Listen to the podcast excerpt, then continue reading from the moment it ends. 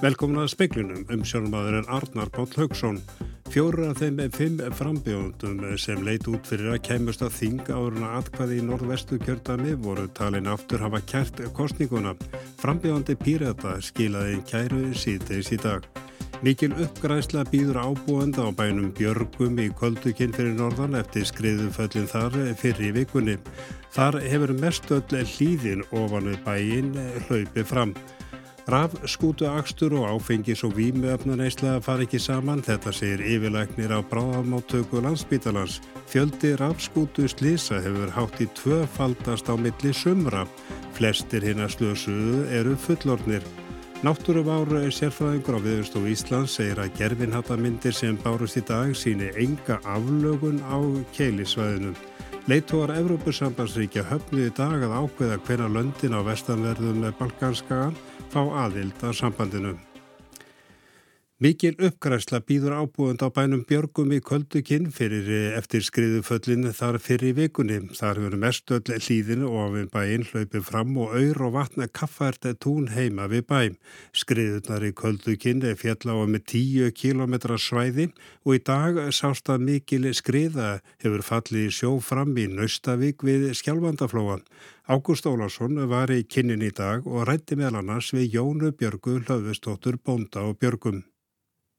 Það var bara óbáslega ljúft að komast heim. Auðvitað er þetta erfitt að sjá hvernig ástandið er en bara gott að vera komin heim og að fengi leifi og við erum strax byrjað að plana bara uppbygginguna. Það er verið að ræsa frá hérna veginum og reyna að gera hann færari og held ég mér að keira aðeins í hann og hjálpa okkur og við erum svo hjáttframt bara skipulegja hvernig við komum vatnun í burtu. Ég held ég að það sé svona stæsta verkefni sem við getum farið í núna strax.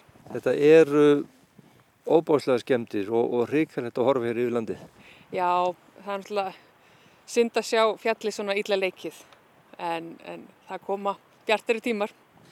Eh, þetta, kem, þetta hefur fallið hér bara rétt heima húsum.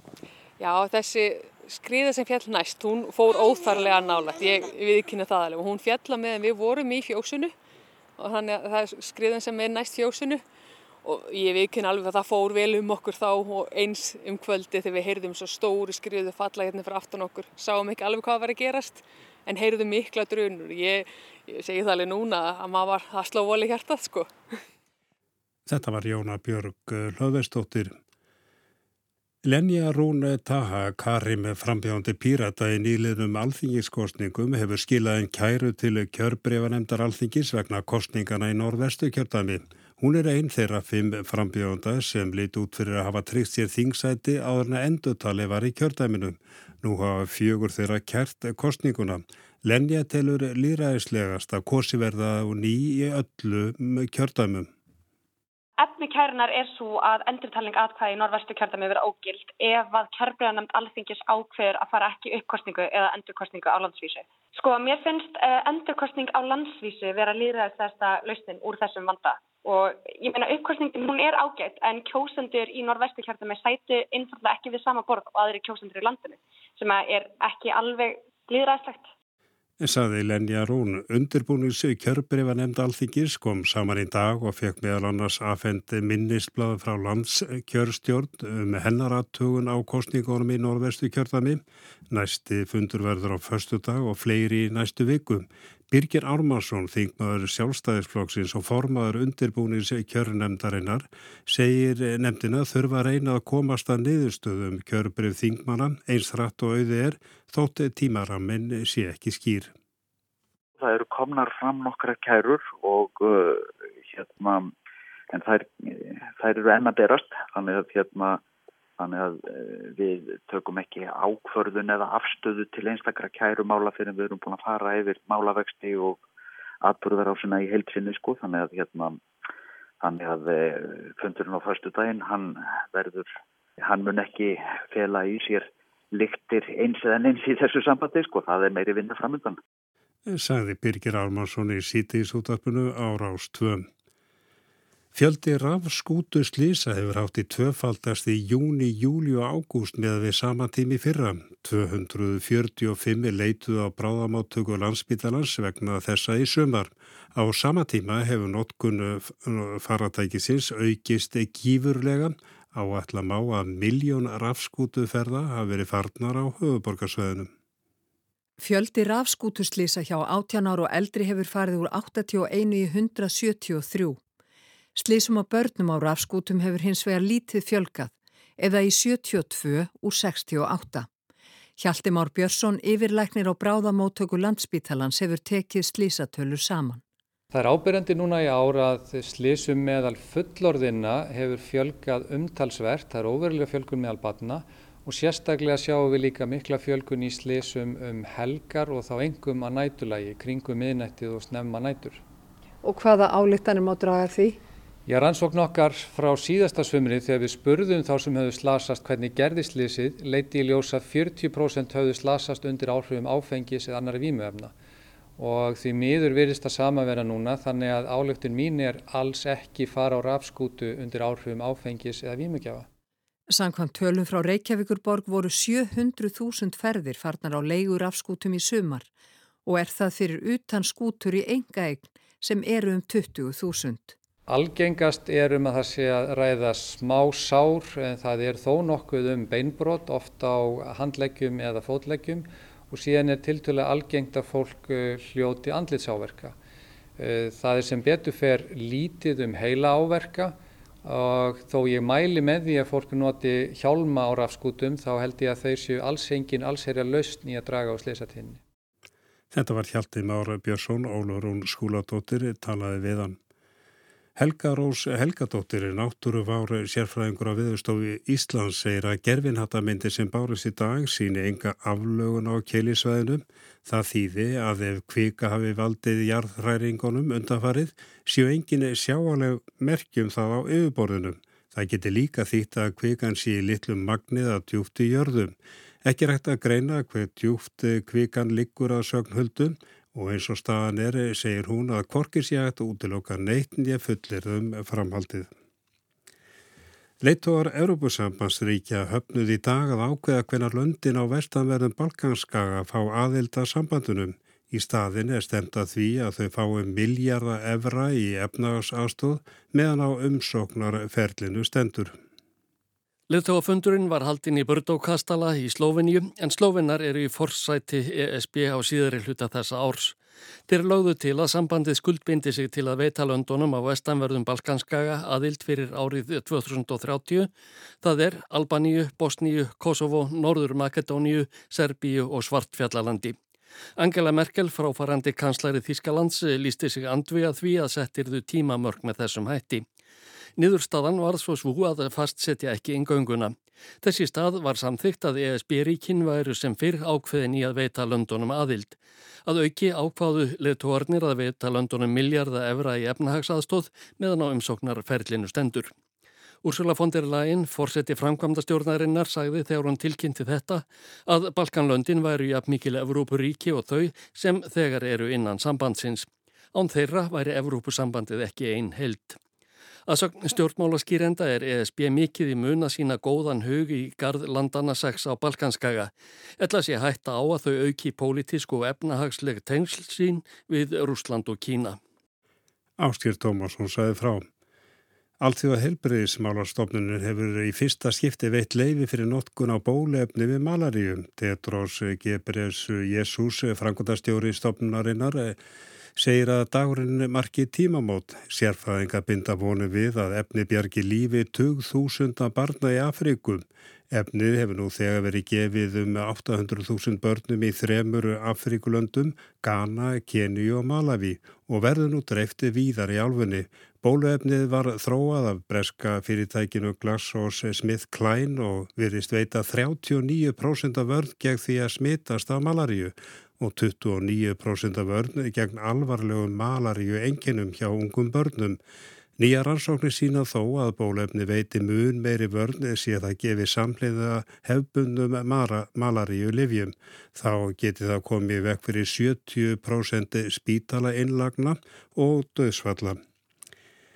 Og starðareinar borgar í sjækjen úr skamt undan eh, melrakasléttu við raunhafnaðatanga og vísindamenn hjá rannsónarstöðinni RIF byrtu myndir af ísjakonum sem minnir helst á kirkjum. Talið er að ísjakin hafi brotnað úr grænjarsjöklu og borist með hafströymum til Íslands og myndir af jakonum á sjá að vef okkar rú.is.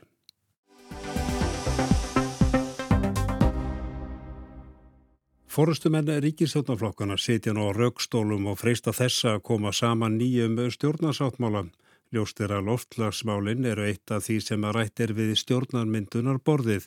Ef Ísland ætlar að standa við skuldbindingar sínar í Parísasamningnum verður að bretta hressilega upp ermar. Landvernd en átturvendarsamtök Íslands og ungir umhverju sinnar er ekki að skafa utan á hlutunum í yfirlýsingu sem samtökin sendu frá sér.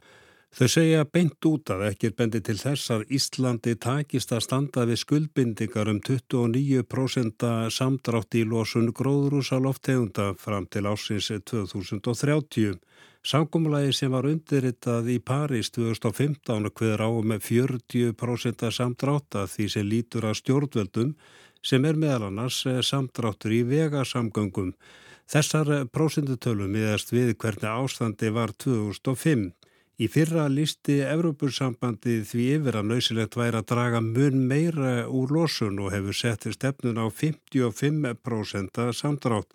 Ekki er enn ljósti hver hlutur Íslands verður.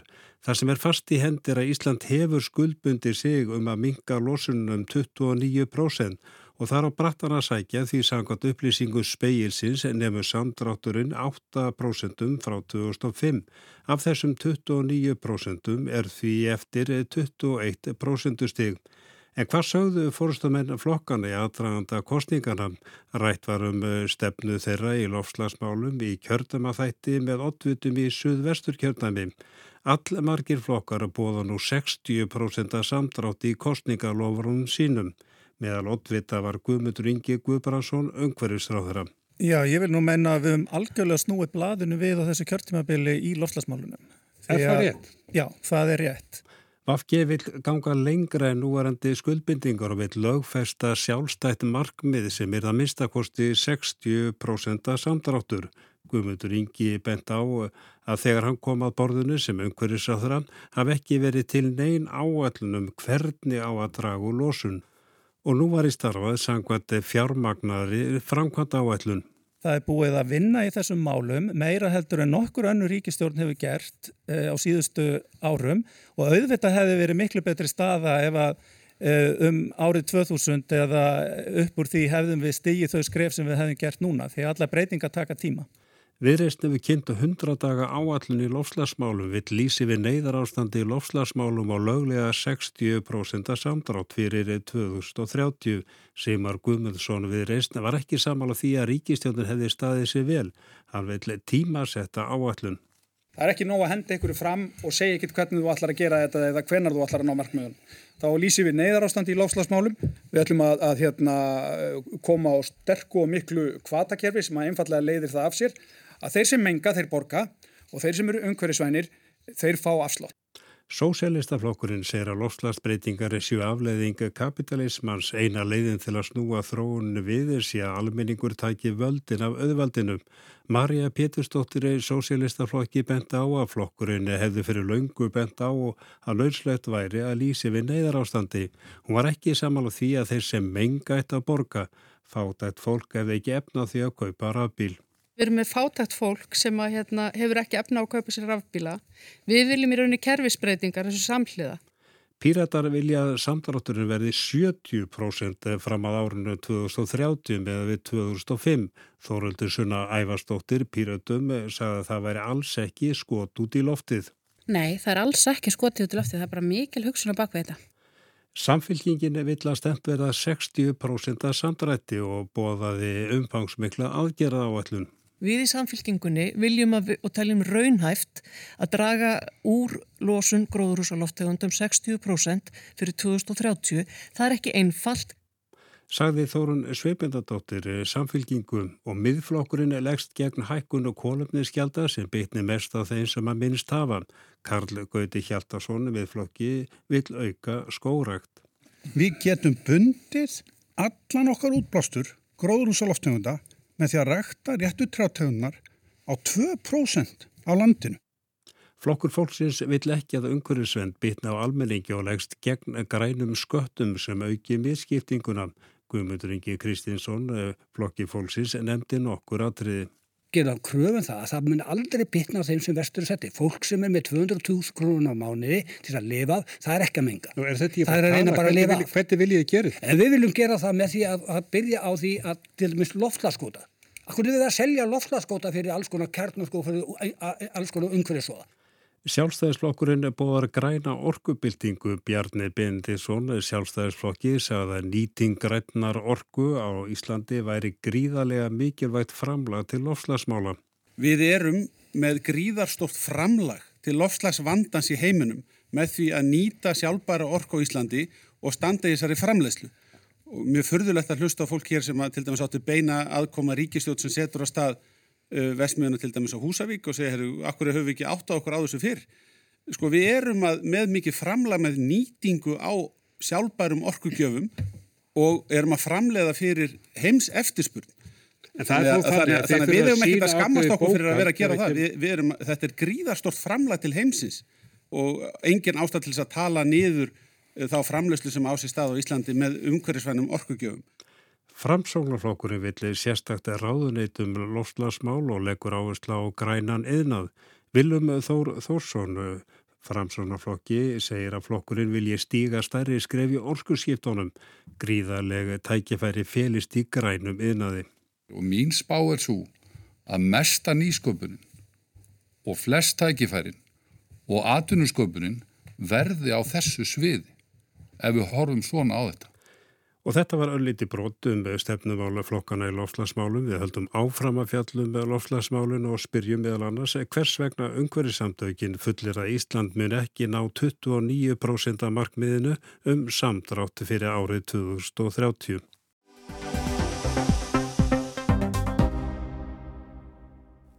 Og þá til Kína, óvissan um aðdrifi kýmverska fastegnafélagsins Evergrand, það varnar tvær vikur, hefur valdið talsverðin títringi efnaðaskerfi Kína sem er það næst stærsta í heiminum.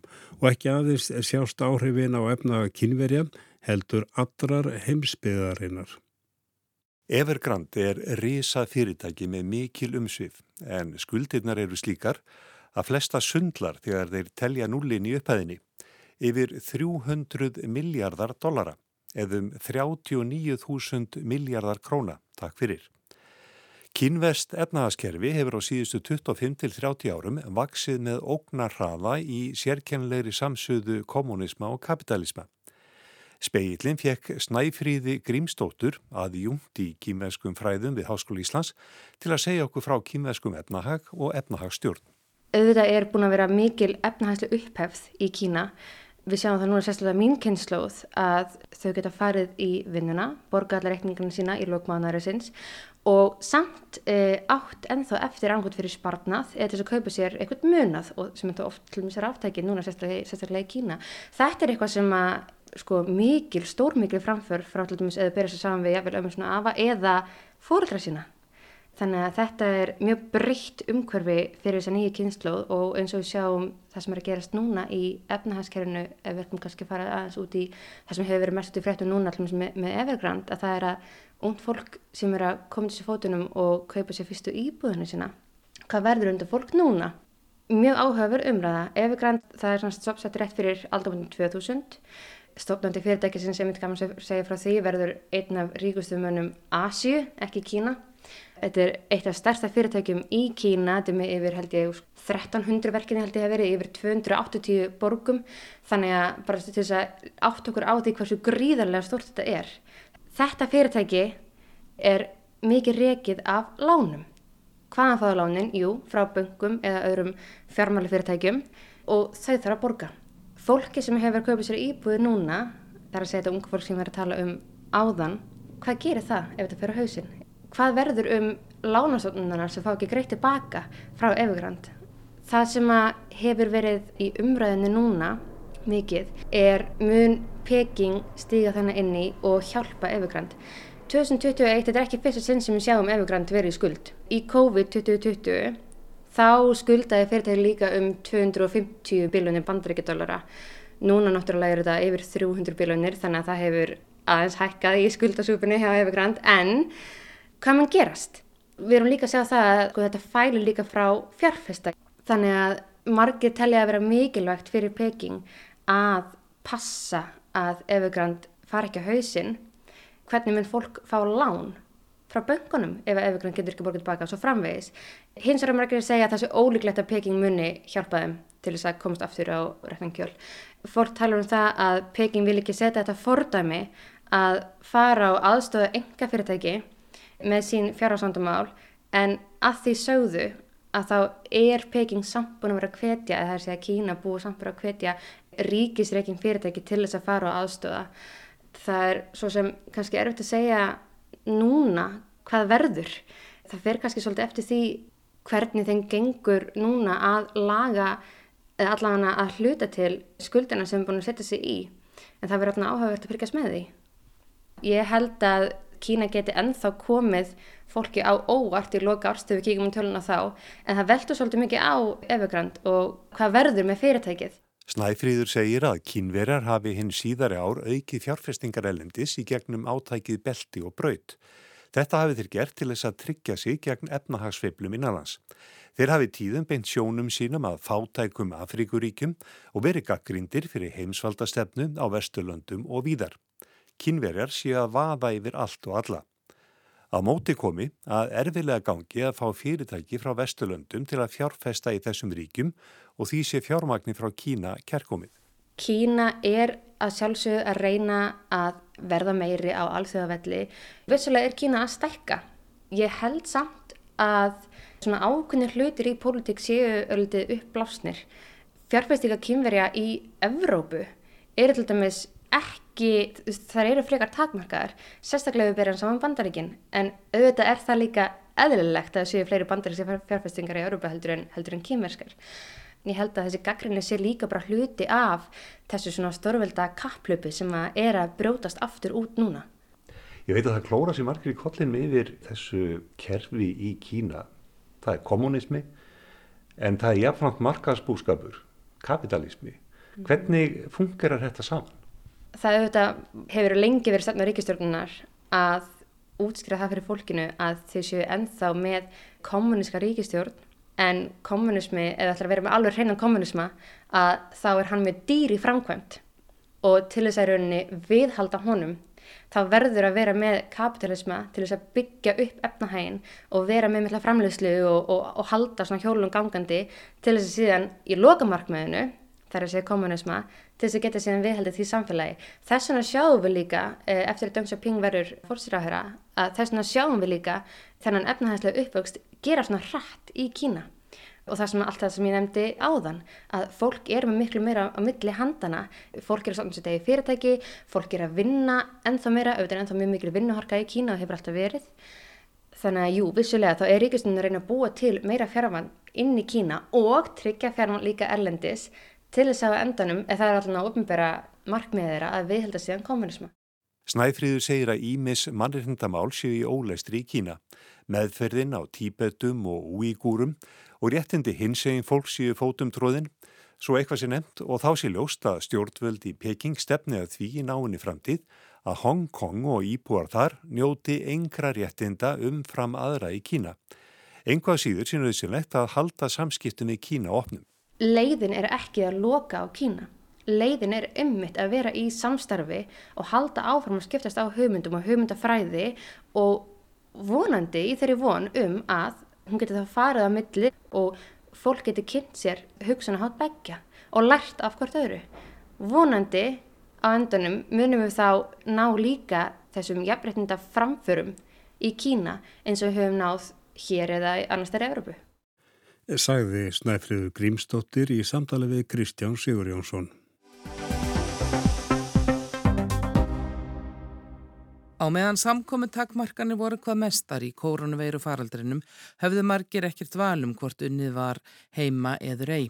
Þetta er heldur ekki hægt að vinna öll störfað heiman. Í könnun sem gerð var meðal félagsmanna í sameiki kom í ljósa innan við helmingur svarenda eðum 40% vann heima í faraldrinum. Af þeim sem það gerðu hafði meiri hlutin eða rúm 60% ekkert val. Þórarinn Eifjörð, formaður sameikis, segir að heimavina hafi skiljanlega fyrst og fremst tengst skrifstofu og tæknifólki, fangaverðir og þeir sem sinna umönnunastörfum til að mynda geta ekki unnið að heiman. Meiri hluti fólk sem að fór heim að vinna taldi það jákvægt, það er að segja yfir, yfir hérna 50%. En svo náttúrulega eru ymsa hlýðar sko á þeim málum síðan þess að atriði sem að fólk var að huga að akkurat með heimavinnuna. Vill fólk halda þessu áfram? Um, ég get nú ekki alveg kannski fullir það á þessu stíi vegna þess að það var ímislega sem að kom fram bæði um uh, sagt, uh, mat fólk á, á jákvæðan þáttum sem tengdist, uh, tengdist andleri hilsu, líka líkamleri hilsu. Það var skipta skoðunar á því hvort að þetta var gott eða vond. Svona líka skipta skoðunar á því hvernig atvinnureikandin kom til aðstóðar við það að búa til eða hafa skrifstóa heimilinu og hvaða áhrif það hafði á heimilislífið og velíðan.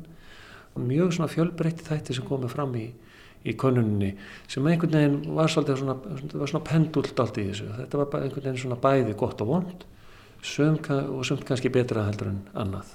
Við búum ekki lengur í umhverja þar sem fólk verður að vera heima en margir hafa kannski komið staði að það hendar ágætlega eða einhver svona blanda. Hvað sýnist eitthvað stefna í, í samtali vinnuveitenda og starfsmanna í, í samhengi við það? Ég geti vel trúa því að mynd, þetta myndi leiða til þess að, að, að fólk geti hugsalega haft um val í ákveðnum hópum um að, að sinna störnum sínum að heimann.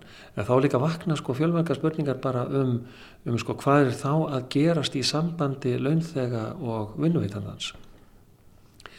Það er alveg ljóstaði svona í þessu venjulega umhverju sem við lifum í að þá ber vinnuveitandin eh, ábyrð á því að vinnuumhverju sé í lægi, að tækja og tól sé í lægi e, lögum bara hotlustöðhætti og, og hérna öryggjum vinnustöðum og allt það að það sé hérna rétt gert og svo framvegis.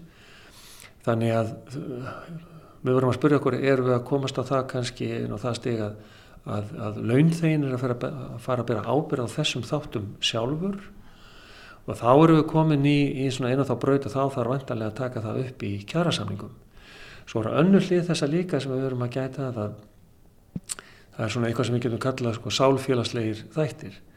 Það er að segja eh, maður er mann skaman og við hérna vöksum í starfi, svona, í samskiptum hvort og annað. Þegar við fáum þekkingu, aðstóð, leifinningar og getum líka veitt frá okkur þekkingu og aðstóð svo framvegis. Þannig að verkefnin verða oft uh, betri, árangurinn á niðurstaða úr vinnunni verður betri þegar við vinnum saman. Þannig að það er fjölmarki þættir sem þarf að huga að, að þegar, þegar komir að þessu. Það sem er að þetta líka það er kannski þessi hérna, síkilda þraut að marka skil millir vinnu og fjölskyldu eða engalífs og það getur orðið erfiðara þegar vinnan er alltaf heima. Já, ég get bara tekið hérna dæmið af mér að, að hérna, við hjónin vorum bæði heima sem sagt allar sólhengin og, og mér fannst þetta nú að orðið ansið skrítið þegar að, að vinnutímin var orðin vöku tímin eins og hann læði sig. Það var það svolítið sem gerðist þess að sömu verkefni verður mjög snúnari eitthvað sem að leysir í hópi og allir fá upplýsingar, sömu upplýsingar og leið gerum þetta svona og allir verður að róa þessum átt verður miklu snúnara.